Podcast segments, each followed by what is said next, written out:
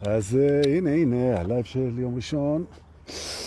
אה, רגע, נרחיק את המצלמה. מה זה הקרבה הזאת? זה מה זה? זה... עכשיו רואים את כל הקמטים בפנים שנוספו הלילה. אז אה, כן, ראיתם עם האצבע, זה מאוד חשוב כשאתה מסתכל במצלמה, תצלם את האגודל שלך, שהיא בכלל, אם שמתם לב, מנסה להתחמק לתוך תמונות. בעיקר בסלפי, פתאום אתה, זה, תמיד זה ככה, זה כזה. אתה בא לעשות סלפי, בסוף כל הסלפים שלך נראים ככה. אסנת קרן הצטרפה, והיו ראשונים, לא ראיתי, כי הייתי שקוע בתחת של עצמי, איזה כיף. בוקר טוב, נעמה ביסמוט וסנדרה פינטו. נכון, מה המצב? בעוד האנשים הולכים ומתאגדים ומצטרפים, ומתאחדים ומתעוררים לנו פה ביחד, אה, כמו אה, פופקורן בתוך סיר ההיתוך המתחמם לו, fuck, אספר לכם, אה, קודם כל שהיום בואו נעשה קצת רגולציה. היום, יום ראשון, 31 באוקטובר, אני חושב, נכון? וגם שינו את השעון בעצם. כן, יום השעון הבינלאומי או משהו, לא, זה לא קשור. שינו את השעון, נכון. ויונית מזכירה לי לא לתרוך על השבלולים, כי ירד גשם, והיה גם גשם כזה וזה, זה כיף, נכון. והיום אנחנו במסע הממלכה שלנו עם הכרכרה, 319, אפיזודה. שלוש... זה לא נגמר, הסאגה הזאת. וטוב שכך, 319, נכון? עכשיו, על מה באנו לדבר היום? אז uh, לפני שנעלה וניסע לכל מיני הרפתקאות, אז יש כמה דברים שאני רוצה לספר. קודם כל שעכשיו, ממש עכשיו, למה איחרתי קצת? אה, כי מקודם פגשתי, כשנסעתי ליד הים עם האופניים, פגשתי מישהי מהקבוצה וישבנו לשוחח. זה קורה הרבה. נכון, איך שזה יסתדר. התחלנו, והיא סיפרה לי מלא דברים, והיא הייתה נורא מעניינת ומשעשעת ומצחיקה, והיה נורא כיף לפגוש אותה, ואני רוצה להגיד תודה, איזה כיף. חלק מהגן עדן זה האנשים שאנחנו פוגשים, אז זה כיף. וכמובן גם למדתי ממנה כל מיני דברים מעניינים, אבל מה שבאתי לספר לכם זה משהו שהיא אמרה, שאפשר ללמוד ממנו. וזה עד שאנשים יבואו וזה, ואז ניסה. היא סיפרה שהייתה באיזה אירוע של הקבוצה שלנו. אגב, יש גם ביום שלישי בשבט. איתי ועם גיל גייכמן. הנה, למדתי איך להגיד את השם שלו. נכון, תבואו. יום שלישי הקרוב זה יוצא הראשון, השני, השניים בנובמבר. שניים בנובמבר, בשבע וחצי, שמונה בערב. מועדון השבט, אירוע שלנו. או, אז היא מדברת, היא הייתה באירוע. אני לא זוכר בדיוק באיזה אירוע היא הייתה, אבל היא מספרת שבמהלך האירוע היה קטורת. הייתה קטורת שהלכה ובערה במקום שלה באירוע. לא יודע באיזה אירוע זה היה, בדרך כלל באירועים שלנו בשבט אין קטורת, אבל שם היה. לא זוכר ואיפה. היא אומרת שהיא וחברה שלה הם מאוד נהנו מהאירוע, ולמדו הרבה והיה להם כיף מבחינה חברתית, אבל הקטורת חנקה אותם והפריעה להם. וכך היא מספרתי שברגע שהאירוע נגמר, הם לא חיכו שנייה אחת נוספת. הם פשוט ברחו מהקטורת רחוק רחוק כדי לנשום אוויר נקי. אמרתי לה, תגידי. אה, והיא אומרת לי, ותדע שהקטורת מפריעה לאנשים ושאל תשימו קטורת באירוע. בסדר? אמרתי לה, תגידי, למה לא אמרת שהקטורת מפריעה לך? הרי אנשים שנהנים מקטורת, שאוהבים קטורת, שהכל, אם מישהו יבוא ויגיד, תראה, יש באירוע פה קטורת, אומרים נכון. אני יודעת שיש פה אנשים שנהנים מהקטורת, נכון? אבל לי זה מפריע אם אפשר לכבות את זה או להרחיק את זה. אנשים שאוהבים קטורת, הם היו אומרים לה, בשמחה אנחנו נכבה את הקטורת. הקטורת היא לא אסנצ'ל, אנחנו אומרים, היא לא חיונית לקיום. לקיום הסדנה. אם כן, אז, אז ברור מובן. עכשיו, היא ידעה שאפשר גם בלי הקטורת. הקטורת סתם נתנה אווירה. כן? היא ידעה, ובכל זאת, היא לא שאלה אפילו אם אפשר לכבות, כי היא ידעה שיש אנשים. היא התחשבה בכיף של האנשים אחרים. אני שואל אותה, וזה מקרה טוב, כי אנחנו לומדים טוב על עצמנו. וזה מה שמעניין פה בכלל. אני שואל אותה, תגידי, אם זה היה הפוך, אם היית היית אוהבת את הקטורת ומישהי אחרת זה היה מפריע לה, מה היית מעדיפה שהיא תעשה? שהיא תחכה בחנק עד סוף הסדנה ואז תברח, או שהיא תשאל אם למישהו יש התנגדות לכבות את הקטורת, ואת בתור מי שהדלקת אותה ואוהבת אותה, היית אומרת, אם זה מפריע לך, בשמחה אני אכבה. מה היית מעדיפה? היא אומרת, אני הייתי מעדיפה שהיא תגיד. אז אני אומר, אז למה את לא אמרת? וזה הרעיון. תדעו לכם. אנחנו מחויבים בעצם, אם נבחר לעשות ככה, ואני ממליץ, אני ממליץ על הבחירה הזאת, לא חייבים. אבל אנחנו יכולים להתחייב לרעיון הזה של לנהוג כפי שהיינו רוצים שינהגו איתנו, לא מסובך. לא מסובך, הכי פשוט בעצם. בעצם זה שיא הפשטות. אני לא יודע מה לעשות מול אנשים, אני אעשה מה שהייתי רוצה שהם יעשו איתי. זהו. פשוט. איך לנהוג, נכון? עכשיו, קר לי ואני רוצה שיחלישו את המזגן, כמה זה קורה במשרדים. אבל לא נעים לי, אומרת בחורה אחרת, לא היא. לא נעים לי מאלה שחם להם. אז אני לא אומרת, אני סובלת בשקט. נכון. זאת אומרת, אוקיי, למה את לא מביאה סוואטשרט או סוודר, ואז פשוט יושבתי עם סוואטשרט, ומי שקר לו יושב עם סוואטשרט, ומי שחם לו אז הוא עם חולצה קצרה, הוא לא יכול להתפשט. אז בעצם מי שקר לו ילבש משהו, ומי שחם לו רגיל. מה רע בזה? כן, אבל באותו יום שכחתי את הסוואטשרט. הוא אומר, כן, למה לא ביקשת ממישהי סוואטשרט? אומרת, לא נעים. אני אומר, אבל אם מישהי הייתה שוכחת את הסוואטשרט ואת לא משתמשת, היית רוצה שהיא תשאל או שהיא לא תשאל? כן, שתשאל, מקסימום לא יהיה, או מקסימום כן יהיה. אה, נכון, אז למה את לא שאלת? כי... לא נעים לי. אבל שלאחרים יהיה נעים. וזה דבר שכדאי להתחיל איתו היום פה, לפני שאנחנו עולים כי לא נעים לנו על המרכבה. הנה 50 אנשים. טובה, תודה ש... טובה שבאתם ותודה שבאתם. וואי, יש פה ריח של פיצה בפארק. מה זה אומר? או זה איזה התקף לב מתקרב. כי זה ידוע שלפני התקף לב יש כל מיני ריחות. אז בסדר. אוקיי. עברנו את זה. ו... או שמה מה קורה כאן? מישהו אכל פה פיצה על האופניים או משהו. טוב, בואו נתחיל, 50 אנשים, בוקר טוב. ברוכים הבאים לשיעור הבוקר של יום ראשון, ה-31 באוקטובר 2021, מערכה 319, יצאנו לדרך, ואנחנו נמצאים בדרך לבית הרצון ללמוד כמה דברים מדהימים על רצון, וגם על כוונה, שזה תת-ג'אנר בתוך הרצון, ובדרך אני אספר לכם שאתמול אלוהים אהב אותי במיוחד, ופינק אותי בסדנה הזאת שהלכתי להעביר עם רועי רוזן, אמיתי וחברי הטוב, והעברנו, היו 23-24 אנשים, משהו כזה בגבעת נילי, שש שעות, הייתה לנו סדנה פשוט מדהימה, ממש מדהימה, ממש, ממש מה שאני אומר, אני חוויתי עונג גדול, וזה כל פעם שובר את השיאים של עצמו, וזה... עכשיו, יש לנו, כמו גם בשבט, יש אנשים שבאים כל חודש לסדנה הזאת, כי זו סדנה חודשית, שמחליפה נושא כל פעם, של רועי ושלי, לפעמים זה בגבעת נילי, לפעמים בבאר יעקב. אנחנו מזגזגים. והקבועים גם אמרו שהיה נדין, דיברנו על אה, משקולות ועוגנים וכדורים פורחים, ומשם, לפני שנגיע לבית הרצון, שזה בית מאוד מאוד משמעותי וגדול ורחוק בממלכה, אז אני אעשה שני דברים. דבר ראשון, אתם רגע תסתכלו על השמיים ואני אשתמש בבקבוק מים כדי לשתות. הנה הוא, אתם רואים עכשיו אני מחזיק, אה, אני יכול להחזיק. למה אתה נותן לנו לראות את השמיים? כי אתה צריך שתי ידיים כדי לפתוח. טוב, אז תראו את השמיים רגע. הנה. בבקשה.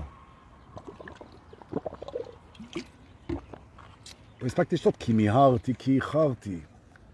אבל הכל בזמן, אז למה מיהרת? כי הרגשתי. אה. אז יש לך תירוץ שזה ההרגשה שלך, נכון. תירוץ זה רק הרגשה. נכון? כן, אבל זה לא הנושא. נכון. תחשבו פעם, נדבר על תירוצים. אני אפתח אה, ז'אנר שלם בבית התירוצים. נלמד מה זה תירוץ, למה יש תירוץ, נתרץ את זה.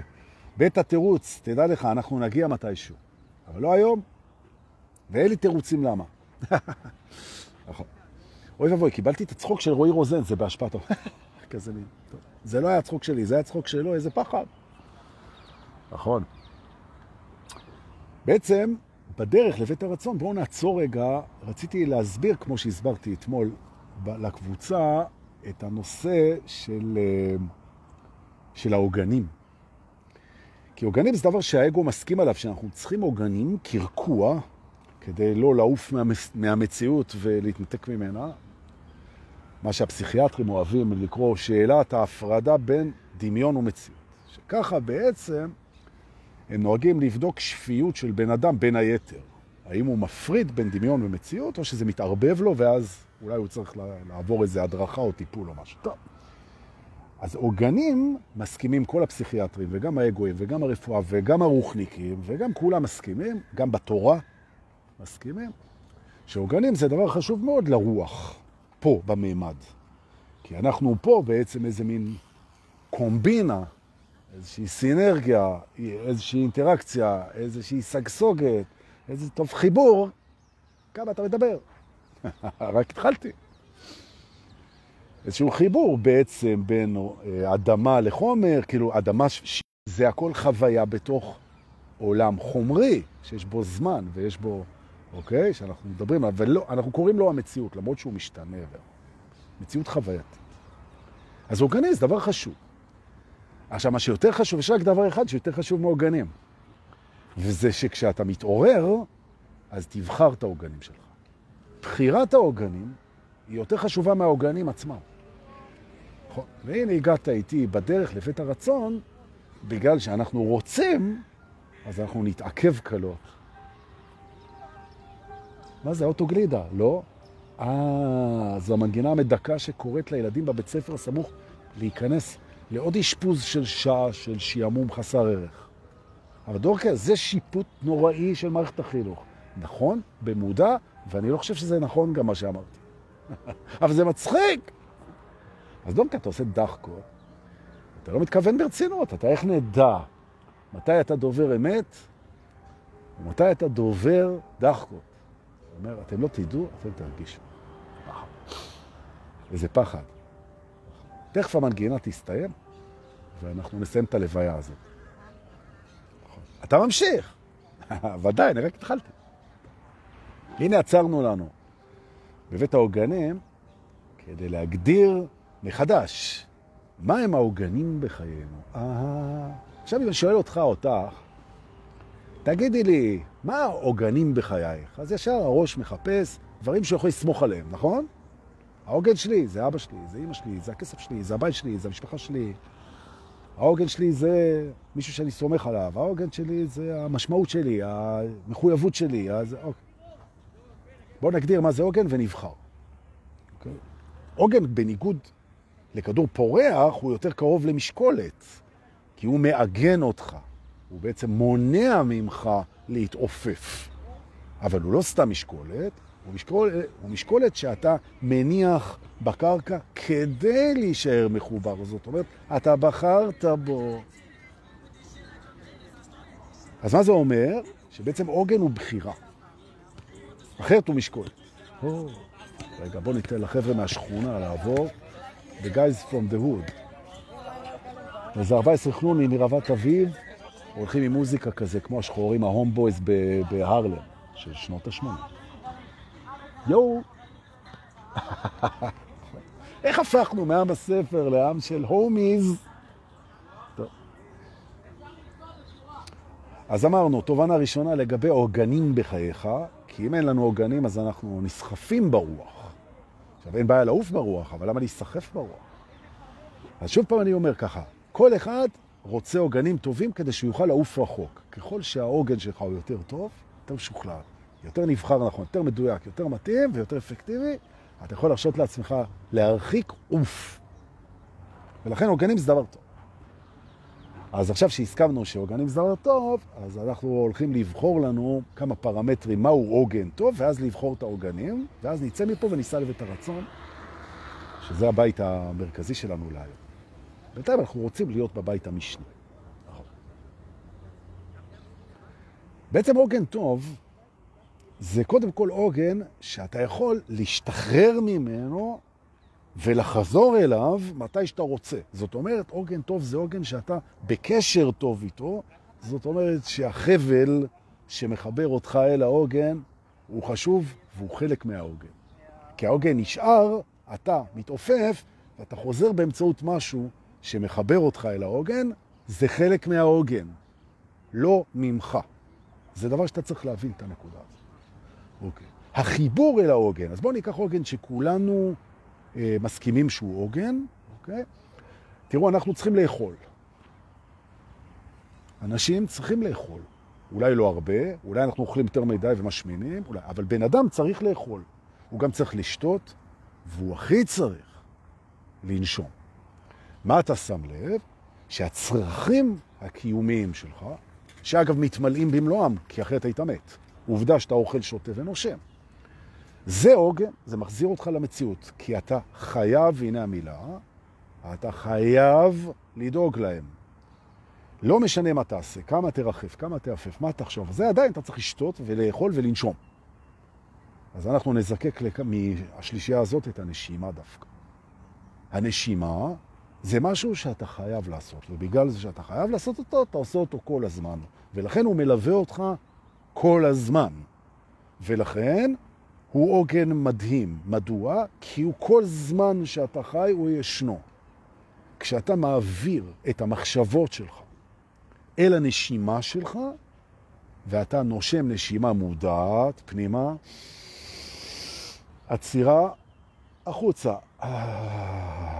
עצירה פנימה, והמחשבות על זה, אני נושם פנימה, והחוצה, ופנימה, והחוצה, ואני חושב את הקצב פנימה, ונטור מגיע, והנשימה, אז ברגע שאמרתי נטור, עפתי עוד פעם. אבל לפני זה, טוב, זה לא חוכמה, כי אנחנו, זה לא שיר טיסה, זה היה אתמול, מי שלא בא, לא בא. נכון.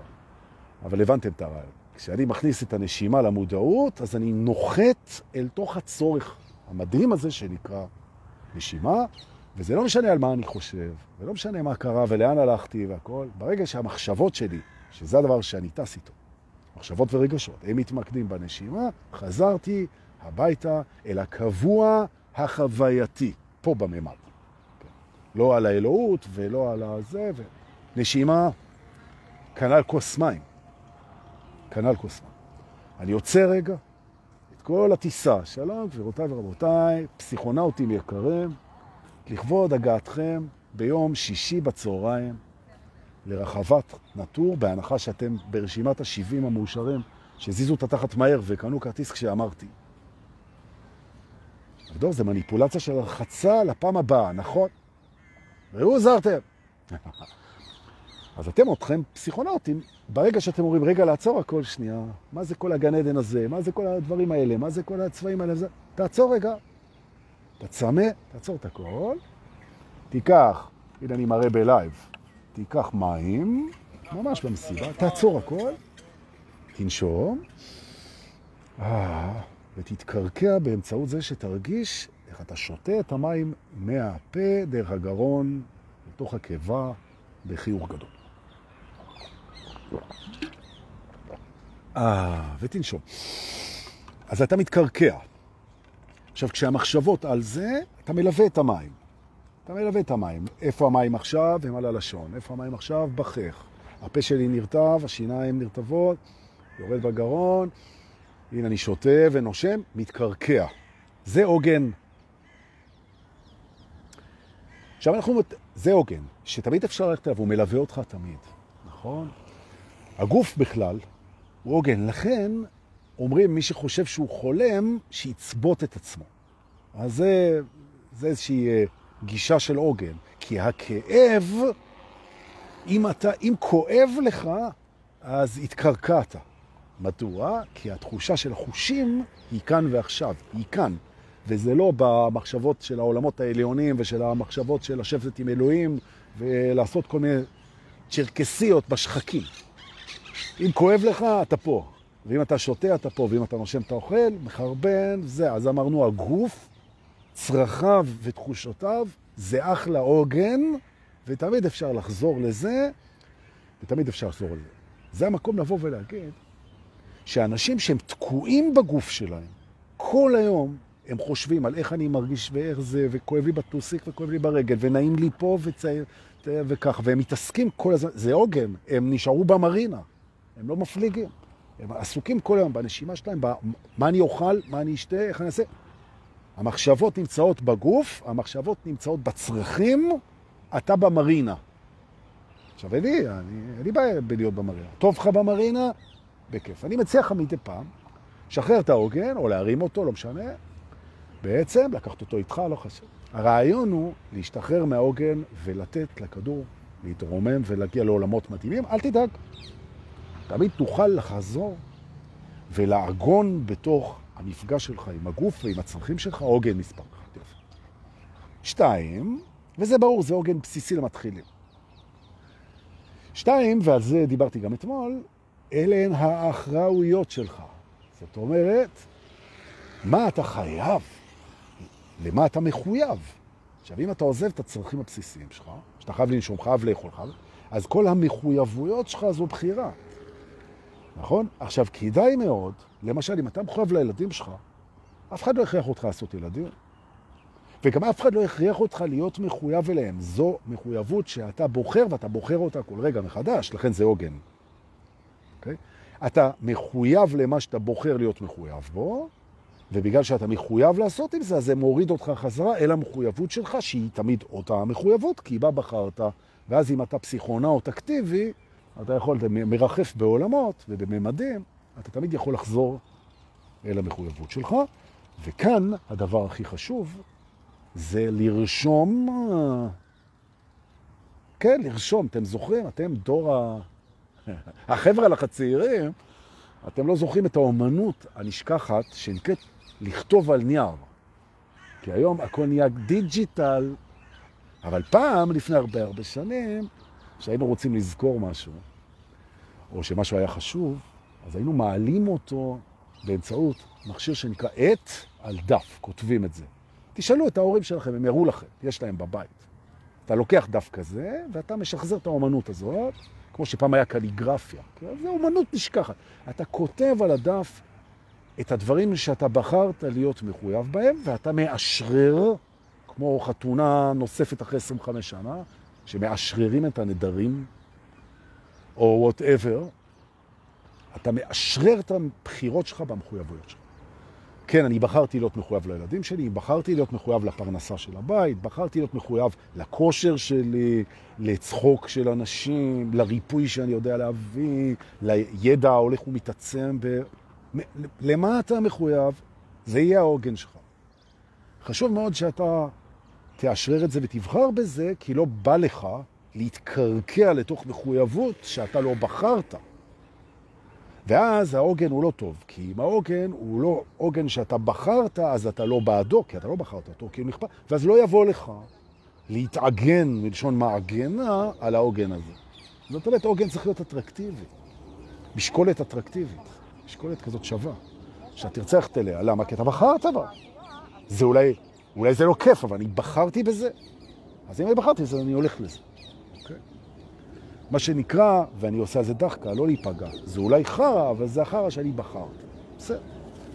זה אחלה משקולת. זה אולי משקולת, אבל אני רציתי את המשקולת הזאת. נכון. מה לעשות? זה כמו שאומרים לאנשים, אנשים אומרים, לא רוצה ללכת למילואים. אומרים, פה במדינה, אנחנו צריכים להגן על המדינה. היינו צריכים, צריכים להגן על המדינה. נכון. אז אין בעיה, אז אתה לא חייב לגור פה. אבל אם אתה גר פה, אז אתה צריך לשלם מיסים. אתה גר בכל מקום. אם אתה גר באיזשהו מקום, אתה צריך להגן עליו. לא משנה איך כרגע, כן. אז בחרת, אתה לא רוצה. אם אתה נוסע על אופניים, אתה צריך לשמור על שיווי משקל. אתה מחויב לשיווי משקל. הנה דוגמה טובה. עכשיו, שיווי משקל זה עוגן, אתה חוזר אליו כל הזמן, כי אתה מחויב לזה. עכשיו, כשאתה שוכח משיווי המשקל שלך, ואתה רוכב על האופניים, אתה עדיין לא נופל, נכון? ואתה נוסע לכל מיני עולמות רחוקים. אבל ברגע שאתה מתחייב לשיווי משקל במחשבה, אז המחשבה מסתנכנת עם הדבר שאתה חייב לשמור עליו, ואז נגמרו העולמות המטורפים ונחתת. אוקיי? מסכם, שני סוגים של עוגנים, עוגן פיזי, צרכים, תחושות, חושים, נושמים איתם ומתאפסים, מתקרקעים, חוזרים למציאות חווייתית חושית, עוגנים, רשימת עוגנים שהם מחויבויות נבחרות כדי שלא התנגדות לחזור אליהם, לחזור יהודה. ובכך יש לנו שני סטים של עוגנים, סבבה, ואתה יכול להתחיל לרחף להנאתך בכיף.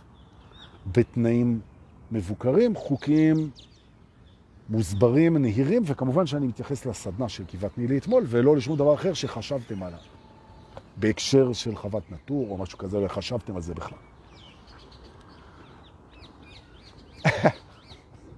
אימא'לה, זה מתקרב, לא יודע. נושם, נושם.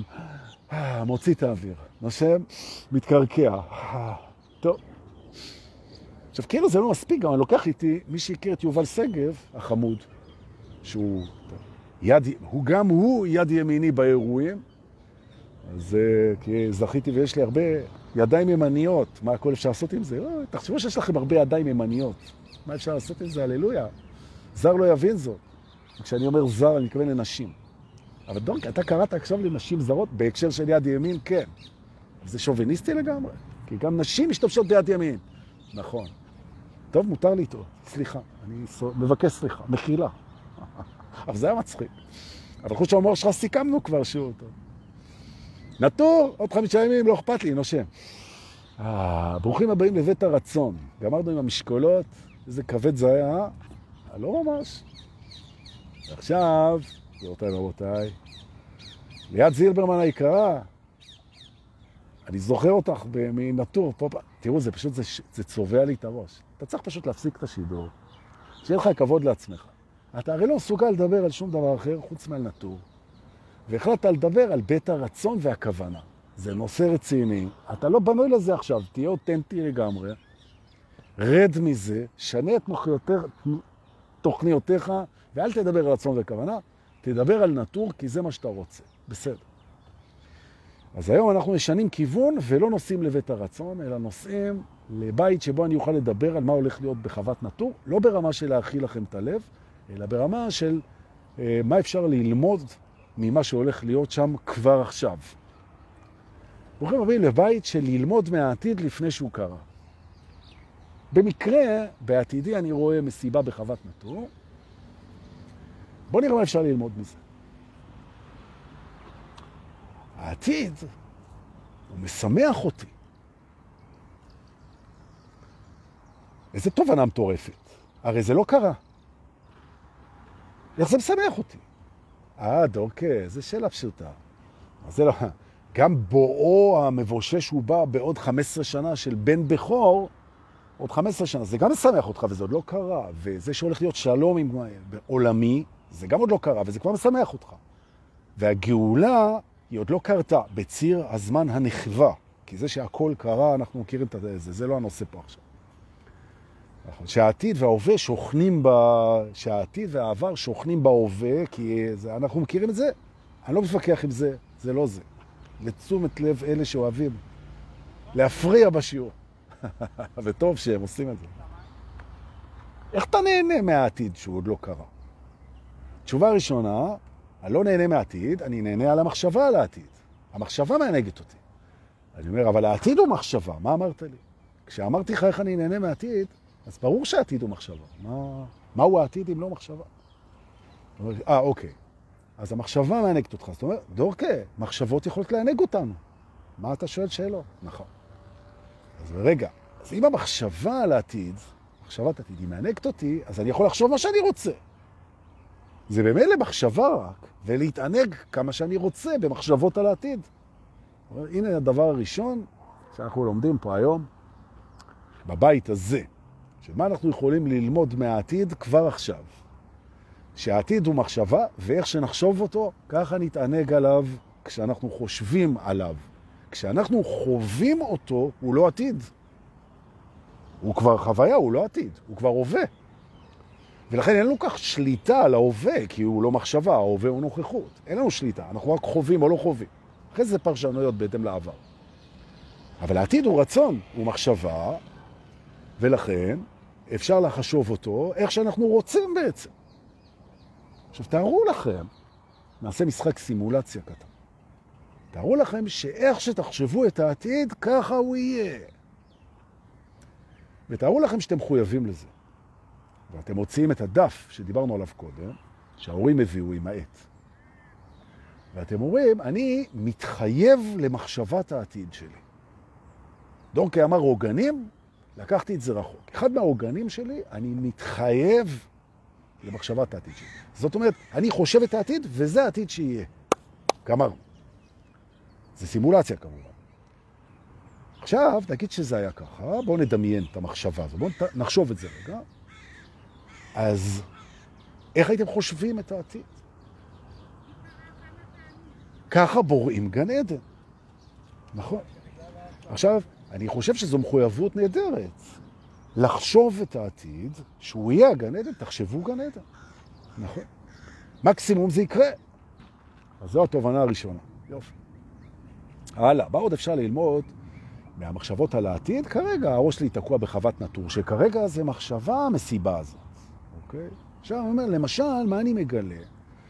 שאם אני יורד לרזולוציות, כשאני חושב את העתיד, ההנאה מתגברת בסרט הזה.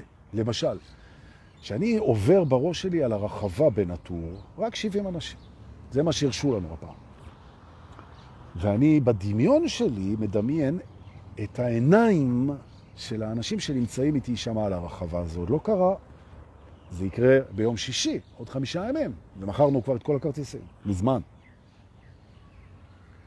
אבל הנה, אני מסתכל בתוך הדמיון, אני מדמיין, חושב, רוצה את העתיד, בורא אותו במודעותי, ואני מסתכל להם בעיניים.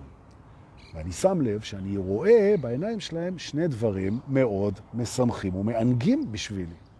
אחד זה שטוב להם, אתה רואה להם את זה בעיניים, שטוב להם. ושתיים, אני רואה שהם אני. אז משתקף לי גם זה שטוב לי. למרות שאני יודע את זה, אבל זה נעים שזה משתקף בעיניים שלכם. אז דורגיה, מה אתה רוצה להגיד? כשאתה בורא את העתיד בתוך המחשבות שלך, אתה בורא את זה שזה שטוב לך משתקף ככה באנשים שגם טוב להם ואתה רואה את עצמך בהם בעיניים, זה מקסה. זה אחלה עוגן.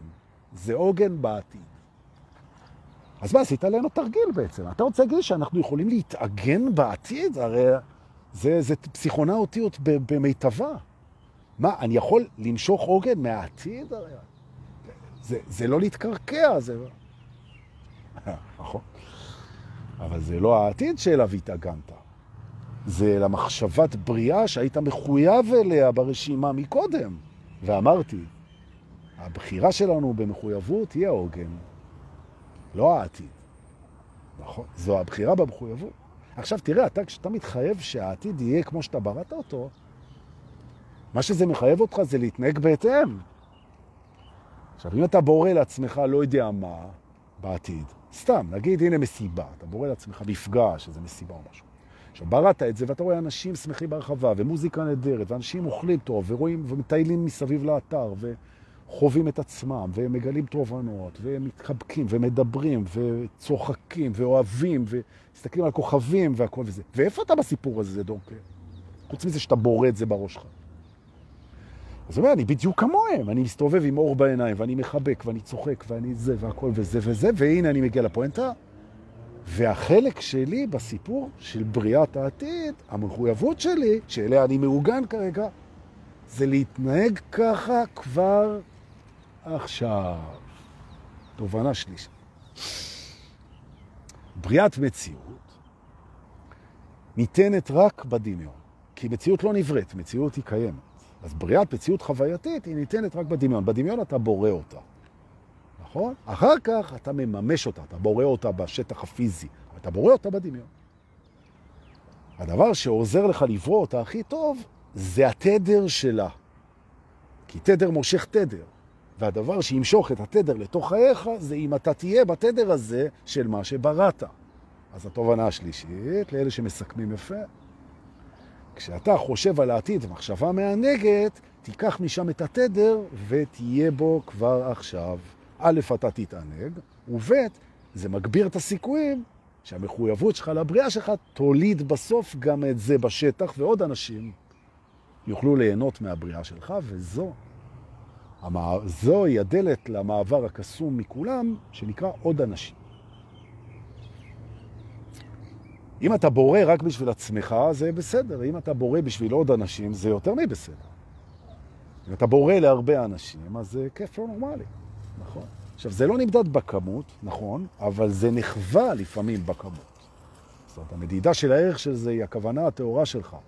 זה לא משנה אם בן אדם אחד נהנה ממה שעשית או עשרת אלפים איש. זה לא משנה מבחינת האנרגיה והכוונה הטהורה שלך. אבל בעולם חווייתי, כשאתה מביא ל-70 אנשים שמחה לפנים, אז החוויה של זה מבחינתך יותר גדולה מאשר אם הבאת שני אנשים. בערך זה אותו דבר, כל אדם הוא עולם. נכון. אז הנה הדמיון מריץ, שהדבר הנהדר הזה שאתה חווה אותו כרגע הוא משתכפל כמותית. ובעולם שלנו, החווייתי פה, לכמות יש משמעות. נכון? אם יש לך בריכה בבית, בריכה קטנה חמודה, שדגי הזהב שלך, הם יכולים לשחות מצד לצד ולמצמץ בעיניהם הקסומות אליך, אז יש לך בריכה בבית. והדגי זהב מאוד מרוצים. לסבא וסבתא שלי מצד אבא היה בריכת דגי זהב בבית. מצד שני, יכול להיות שיש לך בבית בריכה חצי אולימפית, ואתה מביא את החברים שלך למסיבת בריכה, פול פארטי, וכולם עושים צ'רקסיה וקופצים למים, וזה אוגוסט, וזה מוזיקה, וזה קרחנה לא נורמלית, ואתה אומר, יש לי בריכה בבית. אה, זה לא אותה בריכה. נכון. יש פה הבדל. אז איזה בריכה אתה בורא עכשיו, ולמה? אז טבעה בריכה שבה יש הרבה אנשים שנהנים, ובצד בריכה לדגי הזהב, שעדיף שישארו בנחלים דווקא, ולא יהיו כלואים באיזה בריכת דגים. זה רק דעתי האישית. לעומת זאת, אנשים, הם ישמחו להיות כלואים בחצר שלך, של הבית, אם יש לך בחצר בריכה טובה ורחבת ריקודים, ומזג אוויר טוב וגישה נעימה לים, והם בחופש, אז הם ישמחו להיות אצלך בחצר. אז זה מה שאני בורא. נכון. כרגע החצר הזאת היא בבעלות אה, עמיתי אלון, בחוות נטור, אבל כשאנחנו נהיה שם, אז אני ארגיש שזה החצר שלי, נכון? מה ששוב פעם מזכיר לנו שאתה לא צריך שמשהו הוא יהיה שלך בשביל להרגיש את זה שהוא שלך. למשל, אתה מרגיש שהבן זוג שלך, שלך, הוא שלך, אבל הוא לא באמת שלך. אתה מרגיש שהילדים הם שלך, אבל הם לא באמת שלך, אתה רק מרגיש ככה. למה זה מרגיש ככה? כי זה כיף. והצד השני זה אחריות שאתה בחרת. על החצר שלך, על הבן זוג שלך, על הילדים שלך, וחזרנו, ראיתם? לעוגנים, מה שאומר שאנחנו יכולים לנשום ולהתקרקע. זהו, יום שלישי הקרוב אנחנו בשבט. אני מאוד מקווה שתבואו, הולך להיות חד פעמי מכל הבחינות, אבל גם גיל גייכמן הולך לדבר, לדבר על מה קורה מאחורי, מאחורי הקלעים של המוות, מה זה חיים אחרים, ממדים מקבילים, כל מיני דברים שישפכו אור מטורף של אה, ממדים נוספים של המציאות. מדהים, הוא יהיה שני, אחרי, לפניו אני, ובינינו הפסקה, ששם תוכלו לטעום את תופיניו, את תופיניהם ופירותיהם של הצוות שלנו, של אוסנת סופר ושל אה, איתן פרחי, וליהנות מנוכחותו מרחיבת הלב של הצלם שלנו, אדי קליין, ממליץ לכם. הוא בא אתמול גם לסדנה, ואפילו, תאמינו לו, הוא נטש את המצלמה ובא להצטלם בעצמו, זה היה רגע קינקי, חבל על הזמן. ראיתי את זה עובר לו בראש. תדעו לכם, בשביל צלם להצטלם זה לא...